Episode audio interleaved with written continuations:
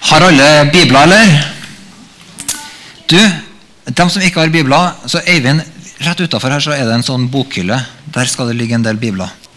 Ok, nå skal vi lese to av eh, Nå skal vi ta og lese et helt eh, kapittel omtrent fra Lukasevangeliet, kapittel 1.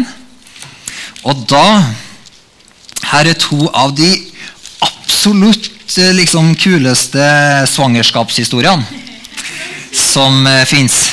Det, det, er cirka side I min bibel så er det side 1159. Og så det, kan du slå opp i registeret, og der er det da Lukasevangeliet vi snakker om. Og kapittel 1. Alle skal få finne fram dit, altså, så skal vi ta og lese det her sammen. Okay, de som har funnet det, de kan gjøre sånn. ok, bra. Johan, har du det? Så bra. Da skal vi ta og lese en hel eh, stor porsjon sammen. Og så er det sånn, du vet Hvis du spiser eh, en biff, så kan det være ganske Så sier vi ja, i dag er det biff til middag. Men da er det ofte en del mer i det òg. Har du lagt merke til det? Det er Ofte så er det poteter der, f.eks. Eller det kan være eh, brokkoli der. Eh, det kan være sopp der. Men du sier liksom at det er biff. Nå, Dette kapittelet handler mm, om når Jesus skulle bli født. Men det er ganske mye annet i dette måltidet, om, eller i dette kapittelet, selv om hovedsaken handler om eh, liksom, eh, svangerskapet til, og ting fram mot at Jesus skulle bli født hoved, det er biffen, liksom, så er det en del andre ting. Og Vi skal ta og smake litt på de andre tingene her underveis. Men først skal vi bare lese. Er alle klare for å lese? Da skal jeg ta og lese høyt, og så kan dere følge med om jeg leser rett. Så er det litt, noen ulike oversettelser her. Jeg kan ta den der, Espen, så kan du følge med i min. Så slipper vi at det går helt i error her. Skal vi se. Skal vi lese fra vers 5? På den tid da Herodes var konge i Jødeland, var det en prest der som het Zakaria. Han hørte til den gruppen av prester som hadde navn etter Abia. Jeg har alltid lurt på Hvis han hadde navn etter Abia, hvorfor het han da Zakaria? Men det er jo sånn. Eh, hans hustru het Elisabeth og var også av Arons ett. De var begge gudfryktige mennesker som levde etter alle Herrens bud og forskrifter, og ingen hadde noe å utsette på dem. De var barnløse, for Elisabeth kunne ikke få barn, og begge var nå oppe i årene. Så var det en dag Zakaria gjorde tjeneste som prest for Gud, for turen var kommet til hans gruppe. Eh, det ble som vanlig kastet lodd blant prestene, og det falt på Zakaria å gå inn i Herrens tempel og brenne røkelse på alteret. Dette er jo litt sånn som, Alle har jo lyst til å tenne lys. Har dere vært med på det en gang? At Hvis du skal tennes lys på bordet, liksom, så er det alle. Jeg vil tenne lys, jeg vil tenne lys, jeg vil tenne lys. Og Her hadde hele gruppa av prester hatt lyst til å inn og tenne røkelse, men loddet falt på Zakaria. Så det var jo veldig Han var liksom dagens eh, loddvinner. Eh, og, falt, og, han gikk da inn i tempelet for å brenne røkelse på alteret. Er det noen som vet hva røkelse er?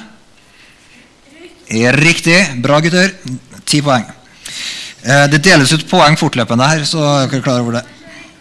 Og Da står det hele folkemengden sto utenfor og ba mens ofringen fant sted. Da viste en Herrens engel seg foran på høyre side av røkelsesalteret. Zakaria ble forferdet ved synet, og frykt kom over han. Er det noen som har kommet til å blitt litt sjokka hvis dere holdt på å tent eh, liksom, noe som ryker på bordet, og så plutselig inni røyken så kommer det fram en engel? Det er da liksom du tenker eh, Du tenker Det her har jeg aldri opplevd før. en sånn first time experience. og Du liksom finner fram Google og tenker er det noen andre som har opplevd noe lignende. Engler og røyk samtidig. liksom. Og også Karja hadde jo ikke mulighet til å google det her, så han ble stående og lurte på hva er det som skjer, og ble egentlig ganske redd. Og så sier engelen til ham, ikke vær redd, Zakaria. Gud har hørt din bønn. Kona di Elisabeth skal føde deg en sønn, og du skal gi ham navnet Johannes. Han skal bli til glede og fryd for deg, og mange skal bli glad over at han er født, for han skal være stor i Herrens øyne. Vin og sterk drikk skal han ikke smake, og helt fra mors liv skal han være fylt av Den hellige ånd.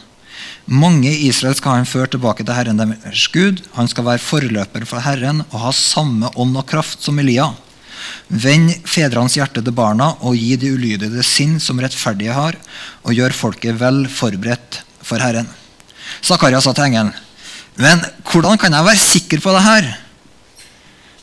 Altså Det er en sånn ting som Nå skal jeg gi deg et tips som Zakaria ikke visste. Dette var jo aller første gangen han møtte en engel.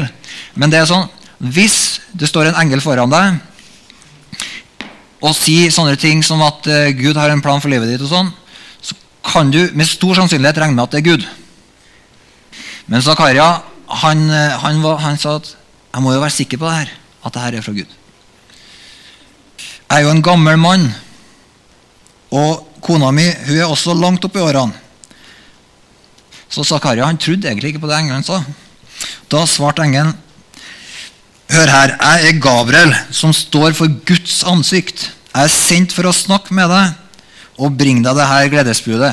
Det er litt sånn, Hvordan kan jeg være sikker på det her? Hør nå her, jeg er Gabriel. Jeg står for Guds ansikt. Hvis jeg, er ikke det nok, liksom? Men fordi du ikke trodde mine ord, så skal du bli stum, så du ikke kan tale før den dagen det her skjer, for det jeg har sagt, skal gå oppfyllelse i sin tid. Så her er ting tre du lærer når du leser denne historien. Hvis du møter en engel når du holder på å tenne lys, og han sier til deg at du skal bli pappa, så tro på det han sier. For hva skjer hvis du ikke tror på det han sier? Hva kan skje da? Da kan man bli stum. Riktig. Så det no, Hæ? Ja, nei, Det var fire poeng for den, for den var ganske opplagt. Imens ventet folket på Zakaria og undret seg over at han ble så lenge inne i tempelet. Da han kom ut og ikke kunne snakke, forsto de at han hadde sett et syn der inne. Han gjorde bare tegn til dem. Han var og ble stum. Så da måtte han begynne å lære seg tegnspråk. ikke sant? Og Da tjenestetiden var slutt, vendte han hjem. En tid etter ble hans hustru Elisabeth med barn, og i fem måneder framover holdt hun seg borte fra folk. Det kan du prøve en gang det er hvis du blir gravid Nå snakker jeg til dere som er damer her. Hvis du blir gravid, prøv å gjemme deg i fem måneder. og Det er en sånn veldig gøy ting, for når du kommer ut igjen, da, eh, så lurer folk på deg. Jeg, så, nei, Det var en stund siden. Jeg lurer på om du har lagt på deg litt kanskje siden sist. Og så sier hun nei, nei, nei, det er ikke sånn det. Jeg har vært borte i fem måneder med babymagen! Så hun gjemte seg i fem måneder. Og så tenkte jeg på det at når jeg kommer ut, da skal alle skjønne at her er det noe på gang. Det her har Herren gjort for meg, sa hun. Nå har Han sett til meg og tatt bort min vanære blant menneskene.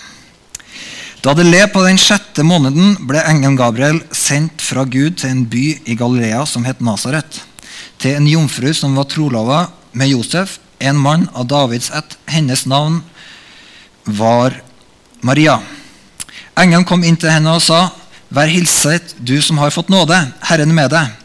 Hun ble forskrekka over engelens ord og undret seg på hva denne hilsen skulle bety. Men engelen sa til henne, 'Frykt ikke, Maria, for du har funnet nåde hos Gud.' 'Du skal bli med barn og få en sønn, og du skal gi ham navnet Jesus.' Han skal være stor og kalles den høyeste sønn. Herren Gud skal gi han hans far Davids trone. Og han skal være konge over Jakobs ett til evig tid. Det skal ikke være ende på hans kongedømme. Maria sa til engelen, 'Hvordan skal det her gå til når jeg ikke har vært sammen med noen mann?' Ok, godt spørsmål. Nå er det ett spørsmål til eh, forsamlingen. er, Hvor mange her vet hvordan man lager barn? Opp med ei hånd. Ja, det er i hvert fall tre som ikke vet det. Jo. Du lærer det senere i år. Det er bra. Men fordi Maria hun visste at hun måtte være sammen med en mann før dette kunne skje. Og engelen svarte nei, du trenger ikke det, for Den hellige ånd skal komme over deg, og den høyestes kraft skal være over deg. Derfor skal også barnet som blir født, være hellig og kalles Guds sønn. Så Guds kraft skulle komme over Maria og føde en sønn som ikke hadde blitt unnfanga på vanlig måte. Og hør, din slektning Elisabeth venter også en sønn, hun også, på sine gamle dager. Det ble sagt at hun ikke kunne få barn, men nå er hun alt i sin sjette måned. For ingenting er umulig for Gud. Da sa Maria, Vel, jeg er Herrens kjennerinne, la det skje med meg sånn som du har sagt. Og så dro engelen fra. Noen dager senere dro Maria av sted og skyndte seg opp i fjellbygdene til den byen i Juda hvor Zakaria bodde. Der gikk hun inn til Elisabeth og hilste på hun.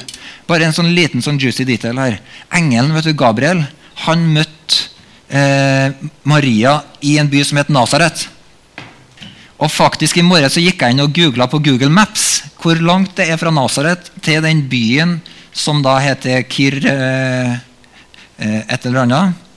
Eh, der som Johannes eh, eh, sin pappa bodde.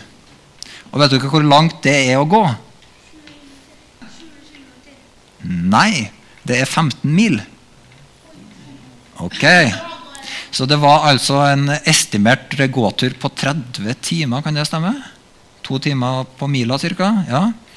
Ifølge Google Max så brukte da Maria 30 timer på denne gåturen i første trimester. Ok.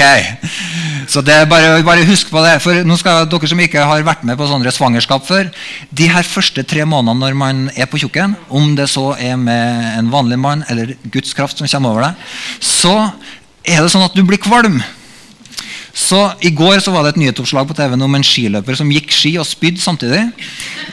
Og Jeg ser for meg 30 timer småkvalm på sånne humpete veier. Da har du liksom lyst til å dra på besøk til venninna di. Så det, vi, det, kan vi komme tilbake til.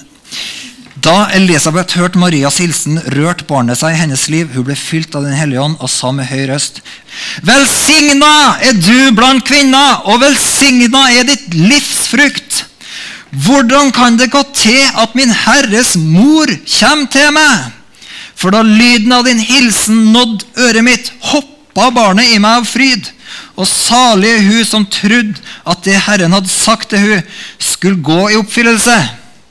Så hun ble så glad Elisabeth, at hun begynte å rope. Og babyen i magen hennes hoppa. Det er fantastisk.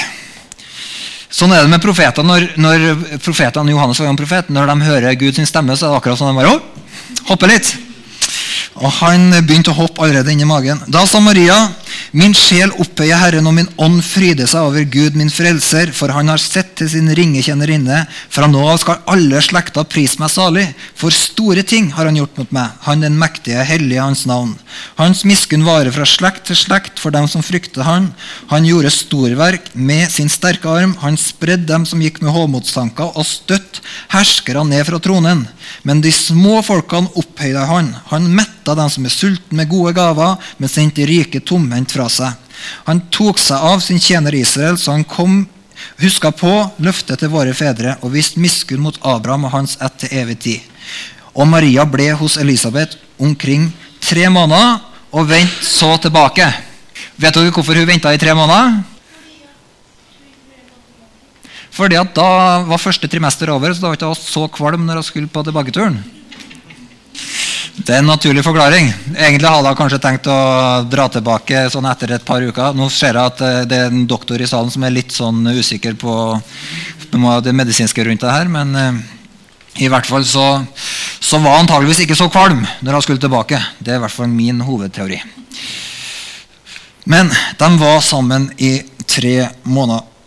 Og så skal vi, nå skal vi ikke lese så veldig mye mer her, men eh, så kom tida da Elisabeth eh, skulle få sitt barn, og hun fødte en sønn. Da hennes naboer og slektninger hørte at Herren hadde vist hun så stor miskunn, gleda de seg med henne. På den åttende dag kom de for å omskjære gutten. De ville kalle han Zakaria etter faren.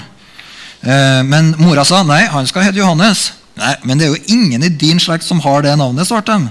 Da ga de tegn til faren for, at, for å få vite hva han ville at barnet skulle hete. Eh, han ba om en tavle og skrev 'Hans navn er Johannes'. Da ble alle forundra. Men i det samme fikk Zakaria talens bruk tilbake, og han begynte å prise Gud. Alle som bodde der omkring, ble grepet av ærefrykt, og ryktet om det her som hadde skjedd, spredte seg over fjellbygdene i Judea. Alle som hørte, grunna på det og spurte hva skal vel det her barnet bli til? Og Herrens hånd leda han. Hans far Zakaria ble fylt av Den hellige ånd og talte profetiske ord. Lova vær Herren Israels Gud, for han har sett til sitt folk og forløst det. Han har oppreist i et frelseshorn for oss, i sin tjener Davids ett. Og så profeterer han om Johannes, og han profeterer om Jesus. Og så sier han i vers 76.: Du barn, babyen min, skal kalles den høyestes profet, for du skal gå fram foran Herren og rydde vei for Han og lære Hans folk å kjenne frelsen, og deres synder blir tilgitt. For vår Gud er rik på miskunn. Og i vers 80 står det gutten vokste opp og ble sterk i sin ånd. Han holdt til i ødemarka like til den dag han skulle stå fram for Israel. Ok, er ikke det en spennende tekst? Og denne, Hele denne teksten den lærer oss en hel del ting og om hvordan Guds plan arbeides ut. Så hvis biffen her handler om at Jesus og Johannes blir født, så er poteteren det er på en måte Kan vi ta og se litt ekstra på poteteren i dag? Og det handler litt om hvordan er det Guds plan går fram. Krydderet Det er litt krydder overalt. og det, det, må vi ha. Det er helt sant. Og da er det sånn her at uh, Det første vi bare trenger å legge merke til, det er at Guds plan starter med oss før vi blir født. Så her har vi to eksempler. Vi har både Johannes og vi har Jesus. Guds plan for livet deres starter før de blir født. Jeg tror at vi òg kan si at vi leser at i begge historiene så finner vi at Guds plan starter før de har blitt unnfanga i mors liv. Gud hadde en plan ikke bare om at de skulle bli født, men han hadde en plan for dem før de ble unnfanga, før de ble til i magen til mora si, så hadde Gud en plan for begge de her guttene. Og sånn, sånn er det med også. Gud hadde en plan for oss før vi ble født. Og ikke bare før vi ble født, men før vi ble unnfanga. Det betyr det her, de her to fortellingene det er nok til å vite at alle vi som er, tror på Gud, vi trenger å kjempe for alle mennesker allerede før de er født. Mens de er i magen til mammaen. Fordi vi vet at Gud har en plan for alle. Før, allerede før de er unnfanga, så har Gud en plan for dem. ikke det er fantastisk? Så når vi blir født, så ligger allerede Guds plan for livet vårt ferdig. Før vi blir unnfanga, så ligger den klar. Og Guds plan for livet vårt det slutter heller ikke med døden. Guds plan for livet vårt er en sånn evig plan. Og det er fantastisk. Så vi vet at før vi ble født, så hadde Gud en plan for livet vårt, og den kan vi oppdage. Hvordan var det folk oppdaga Guds plan i livet til de her guttene? Nå kan det gå an å få poeng her også. Benjamin, får du med det? Hvordan var det de her folkene oppdaga hva som var Guds plan for de her guttene? Her deles det ut ti poeng. Johan? Å! Ti poeng! Det kom en engel som het Gabriel og sa det. Og det, Sånn er det med også. Gud ønsker å tale over livene våre. Og Her er det ikke bare engler, men Zakaria han profeterer. Og Maria hun profeterer.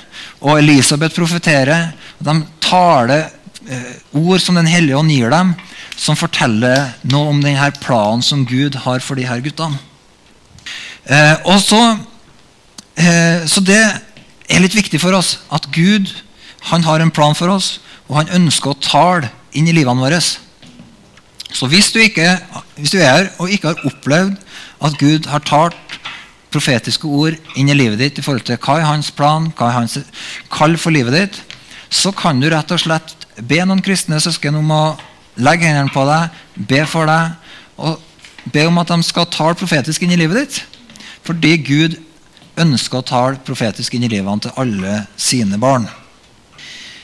Jeg må si en ting til om det her med å være barn som er liksom født inn i Guds plan. Og det er det at når Gud skaper oss, så er det ikke bare sånn at han, vi kommer inn i Guds plan gjennom å høre profetordene, men det er sånn at han former oss i henhold til sin plan. Og det er ikke sånn at han bare har en plan for livet til de som er kristen, eller dem som har møtt Jesus, eller noe sånt. eller som vokser opp i en kristen familie. Sånn. Nei, Gud har en plan for alle mennesker som han skaper. Alle mennesker kommer fra Gud. Gud har en plan for dem. Og han gjør det sånn at han, han, bygger inn en personlighet i oss. Han bygger inn drømmer og talenter i oss. Og alt det her er Guds plan. Sånn at når du ser deg rundt i verden og ser ulike mennesker som gjør ting, så kan du tenke ja, de her folkene de gjør noen ting. De har en lengsel i hjertet sitt som de følger. De har noen evner og talenter som de bruker. Det er Gud som har skapt dem som. Gud har lagt ned noe i dem som gjør at de gjør en del valg. Det der er veldig interessant når man blir foreldre. Fordi at, eller når man får følge, eller hvis du er med og ser noen som og, og følge dem fra de er små til de er store. Fordi at man kan merke at personligheten er til stede i ungene allerede de, før de kan snakke. Så noen unger noen babyer er, merker du at søker kontakt og, og, fellesskap og ønsker liksom å høre en god vits. Det er på det nivået der omtrent. Mens eh, vi, andre så kan du liksom sitte med en baby og så småprater litt med den, og så begynner du å kikke rundt og tenke nå var det litt mye intens prating her. Kan du gi meg noe jeg kan holde på med isteden, liksom? Så jeg slipper å sitte i denne litt kleine samtalen. Så vi har hatt babyer som eh, har vært på begge de måtene der. Uh, og, det, og, det, er litt interessant å se hvordan den personligheten følger dem gjennom livet. Uh, eller du, merker, du, kan merke, du, kan merke, så mye eh, f.eks. hva slags lynne de har. Om de er, har et rolig lynne, eller om de er nysgjerrige og utforskende. Liksom. Du, du, finner en del sånne ting som bare Gud har lagt ned. Og det er fantastisk. Så det betyr at hvis du er pappa til noen som har som, når de er ett og et halvt år, har som sin store liksom, livsoppgave å rive ut alt som er i skap og hyller, og utforske alle etasjene og sånn, så kan du tenke ja, det her er et kall å oppdra denne poden, sånn at uh, når han vokser opp, så skal han få være med og gå på eventyr med Jesus. Han skal være med å utforske nye ting, han skal være med å oppdage nye ting i Bibelen. Han er ikke skapt for å bare sitte i ro og, og gå i ett med tapeten. Liksom. Den er skapt for å være med å utforske ting, ta, innta nytt land, gjøre ting som ingen andre har gjort før. Så alle disse tingene er i Guds plan. Det er viktig for oss som er sånn menighet, at når vi ser mennesker som vokser opp, så ser vi at de vokser opp i Guds plan. Og vi tenker ikke nei, ja, her er, liksom så, er, det så mye fart i at det er vanskelig å få den personen til å passe inn i et kristent møte. Men da tenker vi nei, denne personen er så mye fart i den må vi bare være med og disippelgjøre for å være med og gjøre alt det Gud kaller folk til å gjøre utafor de her kristne greiene. Ja, det, så det er en sånn felles ting i en menighet å gjenkjenne noe av Guds kall og gaver som han legger ned i barna. Og Johannes og Jesus de ble født eh, inn i et sånt miljø av De hadde åndelige foreldre. Det er en viktig ting. Å ha åndelige foreldre som kan hjelpe oss til å vokse inn i Guds plan. Så jeg har lyst til å si litt om det. Fordi både Zakaria og, og, Zakaria og Elisabeth og Maria og Josef dem, Gud tar til dem.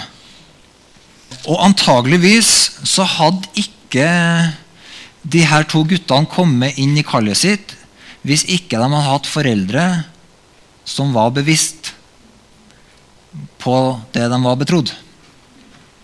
Fordi ja, Så kan du si ja, men Håvard, det er Jesus vi snakker om her. Han hadde vel kommet inn i kallet sitt uansett. Altså, jeg vet jo ikke hvordan det hadde vært hvis ikke Josef og Maria hadde kobla på. Så Det kan ikke jeg uttale meg om. Men det jeg vet, det var at Gud talte. Gud forberedte dem. Og de ga en respons.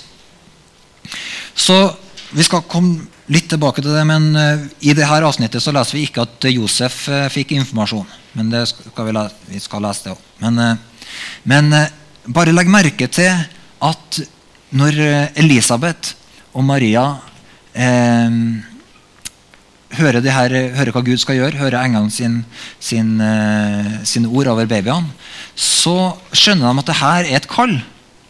Det her er et oppdrag. Det her er en del av Guds plan for deres liv. Det her var noe av det de var født til. De var født til å være med og fostre opp de her guttene som skulle være med og tjene i Guds plan.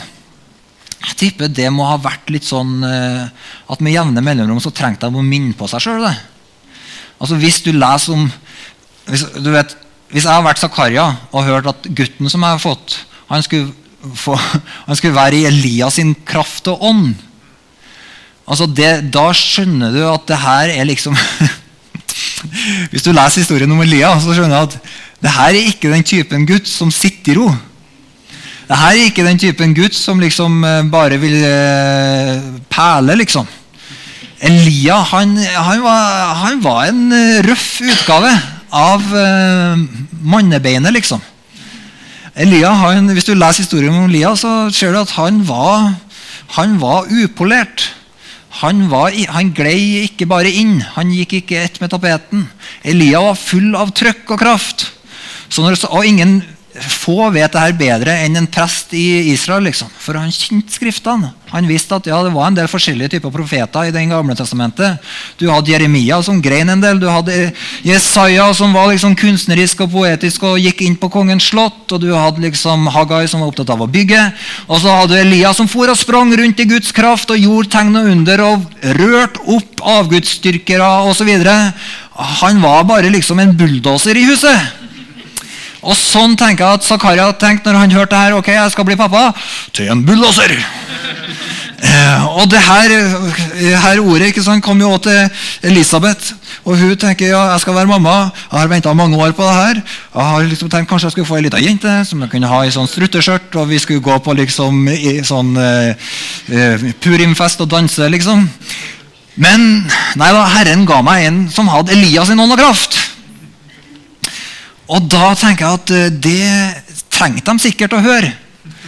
Fordi at eh, Hvis du skal oppdra en sånn i Elias en ånd og kraft, så trenger du å vite at det innebærer at denne gutten han,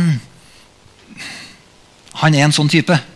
Du skal oppdra, du skal liksom oppdra en bulldoser til å ta vare på motorkrafta. Ok? Du skal ikke temme den. Du har fått ei løve, du skal ikke gjøre den tam. Men du skal oppdra den. Du skal fostre den. Så Gud noen ting. Og vet du hva han sa til, til Maria? Han sa, han sa til Zakaria sånn, du skal få en sønn som er sånn som Elia. Og til Maria sa du skal få en sønn som er som David. Så Maria tenkte ja, David, ja. Jeg skal bli pappa til en konge. Det her som jeg har i magen, det er en konge. Og hun tenkte Hvordan skal det gå an? Hvordan går det an at engelen kommer til meg og sier at han som jeg bærer i magen, han skal jeg tilbe? Hvordan skal jeg forholde meg til det her som mamma? liksom? Dette kunne man gjort et skikkelig studium på.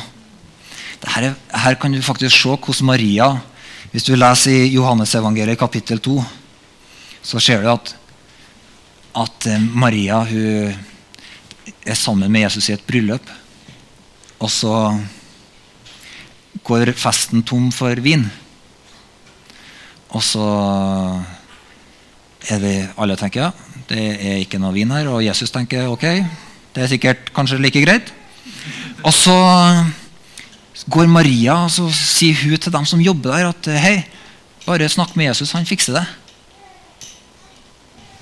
Har dere lest det? Det er Maria som på en måte starter hele det miraklet. Det virker som om Jesus tenker nei, det er kanskje ikke helt tida for å Min tid er ikke kommet helt ennå, sier Jesus. Og så, og så, er det akkurat som om Maria bare tar og så Sparker den utpå. Får den i gang. Og så står Jesus fram. Jesus og disiplene hans var innbudt i dette bryllupet. Ja. Da tok vinen slutt, og Jesu mor sa til Jesus de har ikke mer vin. Og så sier Jesus, 'Kvinne, hva har du med mitt å gjøre?' Så Jesus, 'Min time er ennå ikke kommet.' Så Jesus sier, 'Nei, nei, nei, nå begynner du å si at jeg skal fikse det her med vin.' Men nei, nei, nei, nei ikke nå. Det er ikke nå. Ja, hva, hva, er det? Nei, jeg skal bare bli ferdig med denne føsten først. liksom. Og så trenger jeg litt mer tid til å forberede meg. Les litt mer i Toraen. Ja, men Jesus, du kjenner Toraen. Du gjorde det allerede som tolvåring. Jeg, jeg, jeg kom jo over deg når du var i tempelet som tolv år og så du satt og satt fast i skriftlærde. Du trenger ikke mer tid med Toraen. Med loven. Og så går Maria til tjenerne. Jesus har sagt hei, timen min er ikke kommet ennå. Så går Maria til tjenerne og så sier han, det han sier dere, det skal dere gjøre. Hun bare overstyrer Jesus. Hvordan er det her, far? Du har plassert en konge i magen min. Hvordan skal jeg oppdra han? Av og til må du bare overstyre han. Spark han utpå. Han kommer aldri til å brøyte seg fram. Altså, du vet, Profetordene om Jesus sa at han skulle aldri knekke sånn ry, en, eller slukke rykende veke eller brekke et sånt sivstrå. Det virker som om Profetordene over Jesus virker som om han, han var en, han var en gentleman. Der Elia var en bulldoser, så var Jesus en gentleman. Og der, så Maria virket som hun visste at nei, men egentlig, noen må hjelpe Jesus til å stå fram. Jeg må gjøre det. Jeg er mammaen hans. Jeg kjenner den. Jeg trenger å stå med her. Og så øser de opp på Jesus sitt ord. Og så gjør Jesus vann til vin. Og så står det i vers 11 dette sitt første tegn gjorde Jesus i Kana i Galilea. Han åpenbarte sin herlighet, og hans disipler trodde på ham. Så Det var startskuddet på at Jesus sto fram med herlighet og demonstrerte for alle at hei, her er jeg. Jeg er Guds sønn.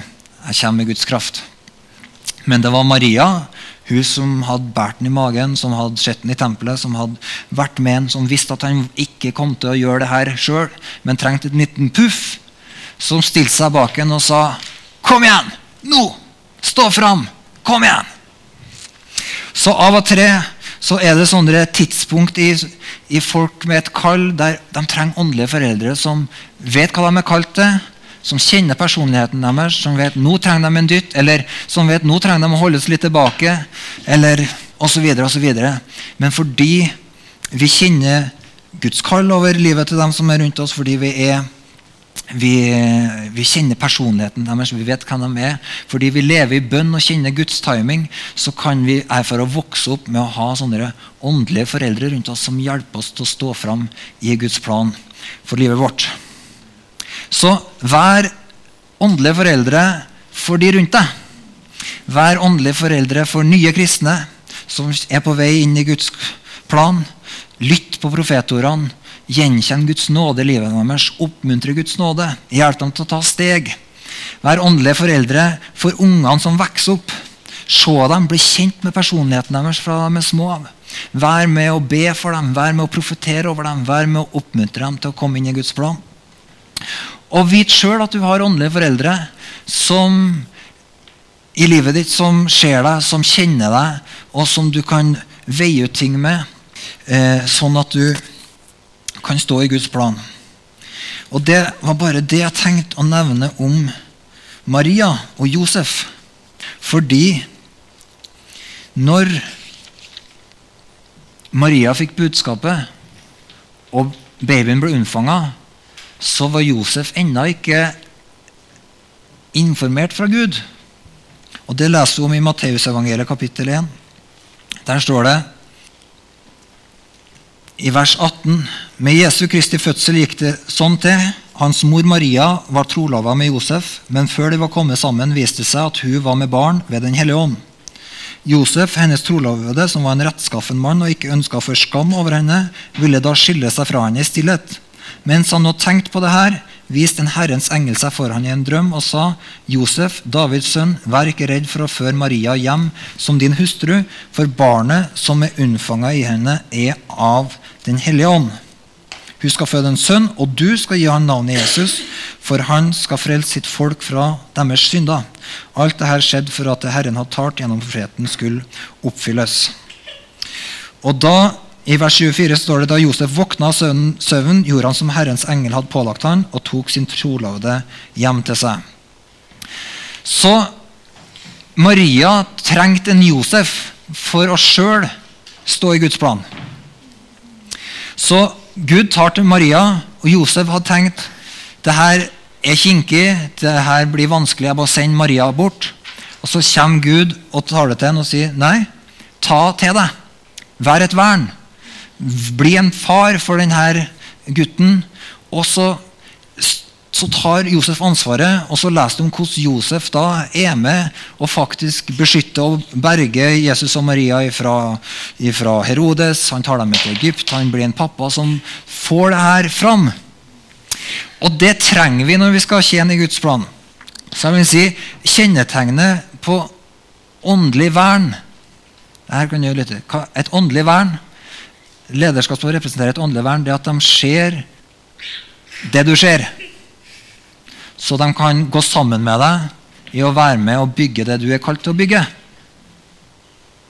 Så når du vet at du har sett Guds plan, du har sett den menigheten Jesus ønsker å bygge, du vet hva du er kalt til, Gud har vist deg noe her. Du har sett noe om disippelskap, du har sett noe om hva Gud ønsker å gjøre i verden. Og så tenker du her er det noen som har sett det samme som meg. De kan være, her er det et vern.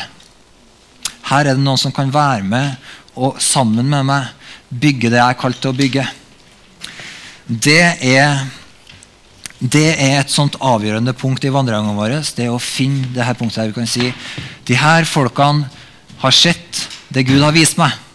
Derfor gir jeg meg inn til å være med og bygge her. Ok? Så Maria trengte sin Josef. For uh, i de fasene som var utfordrende, så trengte du en som hadde sett det samme, som hadde hørt det samme fra engelen, og som kunne være med og når ingen andre i storfamilien skjønte hva det var de holdt på med, hva slags prioriteringer var det her, osv., så, videre, og så, videre, så var Josef der. Han hadde hørt ordet fra engelen sin munn, og han var med og beskytta det og arbeida det ut. Sånn er det i vandringa vår òg. Vi trenger noen som ser at Gud har kalt oss. Vi trenger noe som skjer, det samme som oss i at Gud har, har, eh, har kalt oss både personlig og til å være med å bygge Guds plan. Og når eh, de folkene blir et åndelig vern for oss, så har vi en helt annen ryggdekning til å gå inn i det Gud eh, kaller oss til. Så profetordene hjelper oss til å forstå Guds plan. Gud har skapt oss. Allerede før vi ble unnfanga, så, så, hadde han en plan for livet vårt som varer hele livet, og som fortsetter etter at vi dør. Og så han oss, gir han oss åndelige foreldre og kaller oss til å være åndelige foreldre. Og så forstår vi at det å leve i Guds plan handler om å ta imot et åndelig vern stå sammen med noen som kan si nei, jeg ønsker å gi deg ryggdekning, jeg ønsker å backe deg, jeg ønsker å bygge sammen med deg i det som Gud har kalt deg til å bygge. Så har jeg også lyst til bare at vi skal lande i, midt i det her kapitlet der Maria og Elisabeth møtes. Fordi at eh, de hadde et eh, felles kall. Og jeg tenk, Vi var innom det her at reisa for Maria opp til altså denne byen til Zakaria og Elisabeth lå rett ved Jerusalem. Så reisa hennes var en sånn fottur på 30 timer. Jeg tenker, Hva var det som drev Maria til å gjøre den reisa? Hvis ikke det var det at hun visste at her Hun kunne ha besøkt hvem som helst i slekta si, men hun visste at denne Elisabeth hun har det samme kallet som jeg har. Jeg trenger å finne henne. Vi skal gjøre en tjeneste sammen i en viktig tid. Vi, vi vet hva det her er snakk om. Ingen av Maria sine de venninnene hun vokste opp sammen med, skjønte det. Hun var ei ung jente. Ikke, antageligvis forsto ikke foreldrene hennes heller hva som har foregått. De, det her må ha vært rart for alle rundt. Men hun visste Gud hadde møtt henne, engelen hadde talt til henne. Og hun, hun, tenkte nei, men, men så hørte hun det har kommet noen profetord til Zakaria og Elisabeth. Der har det skjedd noe. Det her henger sammen. Gabriel som møtte Elisabeth, Gabriel som sto for Guds åsyn, han har kommet til meg òg. Det er et felles kall her. Og så begynner hun på denne kan ha vært en tre-fire dagers reise. da, i hvert fall. Legg ut på det, småkvalm. Tenker jeg trenger å bare finne Elisabeth. Hun som jeg kan stå sammen med, hun som jeg kan profetere sammen med, be sammen med, tilbe Gud sammen med. For at uh, Hun skjønte antakeligvis at de her greiene her kommer ikke til å bli sånn umiddelbart enkelt. Men du trenger noen å stå sammen med i det her kallet. Uh, og så kommer jeg til Elisabeth, og så erfarer jeg at det er en sammenføyding i Den hellige ånd. Barnet i Elisabeth sin mage hoppa når hun hørte uh, hva Maria sa. Det, var på en måte en profetisk kobling i det. Og Sånn tenker jeg det er også for oss at uh, vi trenger åndelige foreldre. Så trenger vi også folk å stå sammen med. Som vi vet, som vi er enige om at ja, vi har et felles kall. Og Det kan være så enkelt som å vite at du, at du tilhører et menighetsfellesskap der du, vet, nei, der du kan si høyt og tydelig Hei, jeg har sett noen ting. Vet hvor vi skal hen. Gud har vist meg noen ting. Jeg vet at her hører jeg til.